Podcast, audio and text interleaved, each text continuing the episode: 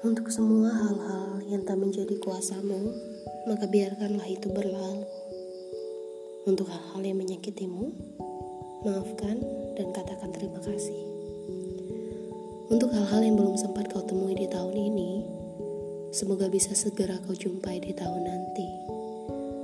Untuk hal-hal yang membuatmu patah dan bersedih, maka bersedihlah secukupnya.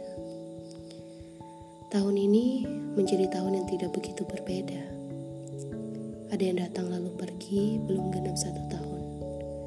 Ada juga yang tetap bertahan, tetap datang, tetap pergi, tetap sama, tetap begitu-begitu saja. Dan tetap saja, tahun berganti.